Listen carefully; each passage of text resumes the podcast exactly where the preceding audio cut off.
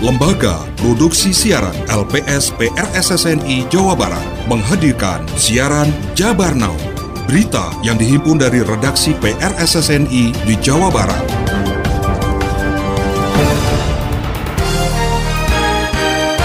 Menghijaukan lokasi ini juga kapan mau hijau lagi? Butuh waktu. Anda piurnya hanya ke bisnis. tanggapan pemerintah kota, mereka nanti akan ini dulu dengan Badan Pemeriksa Keuangan, apa hubungan dengan Badan Pemeriksa Keuangan Provinsi gitu. Jabar Now hari ini menyajikan sejumlah informasi di antaranya. Lelah menunggu dua tahunan, pedagang pasar Keranji baru minta ketegasan Pemkot Bekasi segera bangun pasar. Pelayanan RSUD Kabupaten Sukabumi dinilai buruk, LSM ngadu ke DPRD. Hektaran kebun bunga Edelweiss Rawa di Ranca Upas hancur dilindas motor trail. Bersama saya Endrias Mediawati, inilah Jabar Now selengkapnya. Menyusul puluhan sapi telah terjangkit, peternak sapi di Kuningan khawatir ternaknya terserang penyakit lampi skin disease LSD atau peternak sering menyebut dengan penyakit lato-lato. Tanda-tanda sapi yang telah terserang, seluruh tubuhnya akan muncul benjolan seperti bentol dengan ukuran lumayan besar, lalu akan berubah warna menjadi hitam dan benjolan pecah, sehingga akibatkan daging sapi membusuk. PRSSNI Korwil Cirebon sampaikan laporannya. Penyakit lato-lato ini akan menyebar melalui serangga seperti lalat, nyamuk, dan serangga lainnya. Dampaknya, sapi yang terserang penyakit lato-lato akan kurus karena hilangnya nafsu makan, demam tinggi, dan dapat membuat sapi tersebut mati. Di Dusun Mulia Asih, Desa Puncak, Kecamatan Cigugur, Kabupaten Kuningan, 90% mayoritas warganya beternak sapi perah. Sangat khawatir dengan adanya penyakit lato-lato ini. Sedikitnya, saat ini terdapat 13 sapi di Dusun Mulia Asih yang sedang terserang penyakit lato-lato. Yono, salah satu peternak sapi perah di Dusun Mulia Asih dari total 6 sapi miliknya, tiga di antaranya telah terjangkit penyakit lato-lato. Ada kekhawatiran merembet ke lain, Pak? Ya ada Pak. Barang PMK itu takutnya nyebar. Kata Pak Dokter mah mulai bintik-bintik. Bagi pertanamnya gimana caranya obatnya yang itu biar cepat sembuh lah. Iya. Selain berujung ricuh, acara motor trail juga mengakibatkan kebun bunga Edelweiss Rawa di Ranca Upas, Kabupaten Bandung rusak parah. PRSSNI Korwil Bandung sampaikan laporannya. Buntut dari acara motor trail yang berujung ricuh, kebun bunga Edelweiss Rawa atau bunga abadi yang ada di Ranca Upas, Kabupaten Bandung mengalami kerusakan yang cukup parah. Ratusan motor trail tersebut melindas tanaman endemik tersebut. Rusaknya kebun Edelweiss tersebut membuat seorang petani bunga Edelweiss Rawa yang bernama Supriyatna atau yang dikenal dengan nama Mang Uprit melampiaskan kekesalannya dan menuding pihak yang memberi izin acara tersebut hanya berorientasi ke bisnis belaka. Pasalnya bunga Edelweiss Rawa yang ia tanam tersebut di Indonesia hanya ada di dua lokasi. Satu di antaranya di Ranca Upas. Sedangkan bunga ini itu di dunia itu hanya ada di dua tempat. Paham gak kalian? Termasuk di Indonesia pun hanya dua tempat. Ranca Upas sama Danau Ciharus, Kamojang Garut. Kumpul lagi nggak? Susah. Menghijaukan lokasi ini juga kapan mau hijau lagi? Lama. Butuh waktu. Anda piurnya hanya ke bisnis. Secara terpisah, manajer set Kampung Cai Ranca Upas, Argo Wibowo mengatakan pihaknya sangat menyesalkan peristiwa tersebut dan dipastikan akan melakukan evaluasi secara menyeluruh. Sebelumnya kami menyampaikan permohonan maaf yang sebesar-besarnya Pak mewakili manajemen. Kami sangat menyesali. Sementara itu Bupati Bandung Dadang Supriyatna angkat bicara terkait kegiatan trail dan camping adventure di Ranca Upas Kabupaten Bandung yang merusak bunga Edelweiss Rawa. Dadang menyayangkan dan mengecam kegiatan yang merusak lingkungan dan pihaknya tidak pernah memberikan izin terhadap kegiatan yang merusak alam. Jangan sampai tulang kembali kejadian ini. Panitia harus bertanggung jawab terhadap langkah-langkah atau event kejadian kemarin.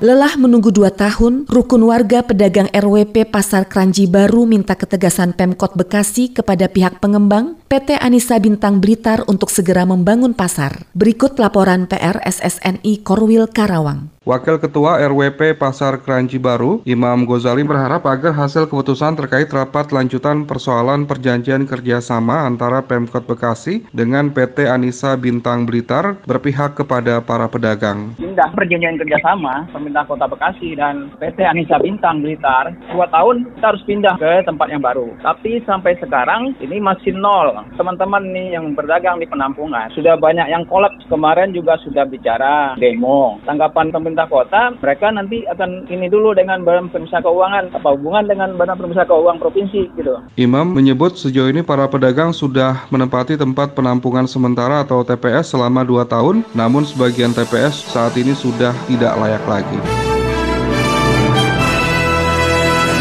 Terima kasih Anda masih mendengarkan Jabar Now yang disiarkan serentak di radio anggota PRSSNI se-Jawa Barat. Saudara, PRSSNI Korwil Priangan melaporkan masyarakat pertanyakan hilangnya dokumen penting di Dinas Lingkungan Hidup Kota Banjar. Diketahui, dokumen itu hilang sejak sebulan lalu dan telah dilaporkan polisi. Sorotan atas hilangnya dokumen itu seperti disampaikan Andi Maulana, tokoh kepemudaan dan praktisi hukum di Kota Banjar. Menurutnya, kehilangan dokumen bisa merugikan instansi pemerintahan sehingga perlu ditangani dengan cepat dan harus ada yang bertanggung jawab. Hal itu sesuai dengan peraturan Kepala Arsip Nasional nomor 43 tahun 2015. Seluruh pihak di dalam hilangnya dokumen tersebut itu adalah semuanya bertanggung jawab terhadap itu untuk menjaga keutuhan dokumen. Maka tanggung jawab jawab dari hilangnya dokumen dinas lingkungan hidup tersebut, perangkat kepala dinas dan reng-rengannya yang di sini yang harus bertanggung jawab.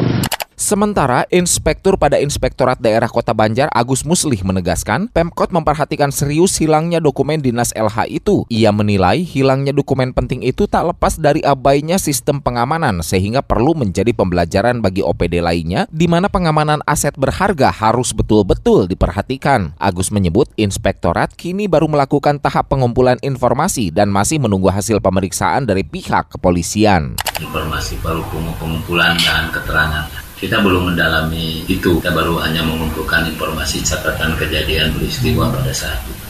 Diketahui sebelumnya, Dinas LH Kota Banjar melaporkan hilangnya tumpukan dokumen penting seberat 200 kg terkait bidang permukiman dan pertamanan yang terkunci lemari arsip 6 Februari silam dan telah dilaporkan ke polisi. Lembaga Swadaya Masyarakat LSM Korekmas Kabupaten Sukabumi mengeluhkan buruknya pelayanan seluruh rumah sakit milik pemerintah daerah di Kabupaten Sukabumi. Berikut laporannya. LSM Korekmas melakukan audiensi bersama Komisi 4 DPRD Kabupaten Sukabumi serta perwakilan sejumlah manajemen rumah sakit milik pemerintah, di antaranya RSUD Pelabuhan Ratu, RSUD Sekarwangi, dan RSUD Jampang Kulon serta instansi terkait guna menyampaikan keluh kesahnya. Seusai audiensi, Ketua LSM Korekmas Kabupaten Sukabumi, Dede Abdullah menyampaikan kenapa pelayanan RSUD ini tidak bisa bersaing dengan rumah sakit swasta. Oh, kenapa tidak bisa bersaing Termasuk ke dalam administrasian juga. Sementara itu, anggota DPRD Kabupaten Sukabumi dari Komisi 4, Usep Wawan menyampaikan ucapan terima kasih kepada LSM Korekmas yang bergerak di bidang kesehatan menyampaikan hal-hal tentang kesehatan. Tentunya kami pun akan ditindaklanjuti nanti pada saat rapat komisi dengan mitra. Salah satu dari Komisi 4 itu adalah Dinas Kesehatan. Disampaikan staf pelayanan Rumah Sakit Jampang Kulon, Samsudin, manajemen secara konsisten memperbaiki apa yang dikeluhkan. Kami sudah melakukan perbaikan sama dengan rumah sakit yang lain bahwa pada saat pasien sedang dirawat, sekarang pasien sudah tidak lagi mengambil sendiri obat, khususnya untuk dirawat inap. Panitia Pilkades Kecamatan Tenjo Bogor mengundi nomor urut calon kepala desa, pernyataan fakta integritas, serta teknis kampanye. Laporan bersama PRSSNI Korwil Bogor. Ketua Panitia Pilkades Kecamatan Tenjo Deden mengatakan bahwa kegiatan ini di pengundian nomor urut calon kepala desa serta pembagian teknis kampanye untuk masing-masing calon kepala desa pengundian nomor calon teknis kampanye. Sementara sejumlah personil kepolisian sektor Parung Panjang akan mengamankan gelaran Pilkades di Desa Bojong, Kecamatan Tenjo. Menurut Kapolsek Tenjo Ibtu Suyadi, aparatur sipil negara maupun dari anggota ataupun TNI harus netral dalam gelaran pemilihan kepala desa ini. Dirinya berpesan jika menemukan ASN maupun anggota dari kami akan diproses secara hukum. Yang mempunyai saudara TNI, Polri, ASN agar tidak melibatkan mereka untuk kampanye.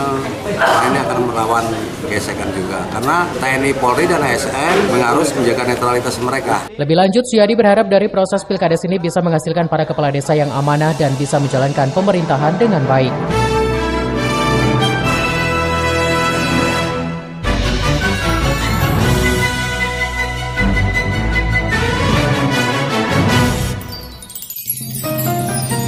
Terima kasih. Anda telah menyimak siaran berita Jabar Now. Yang diproduksi oleh Lembaga Produksi Siaran LPS PRSSNI Jawa Barat.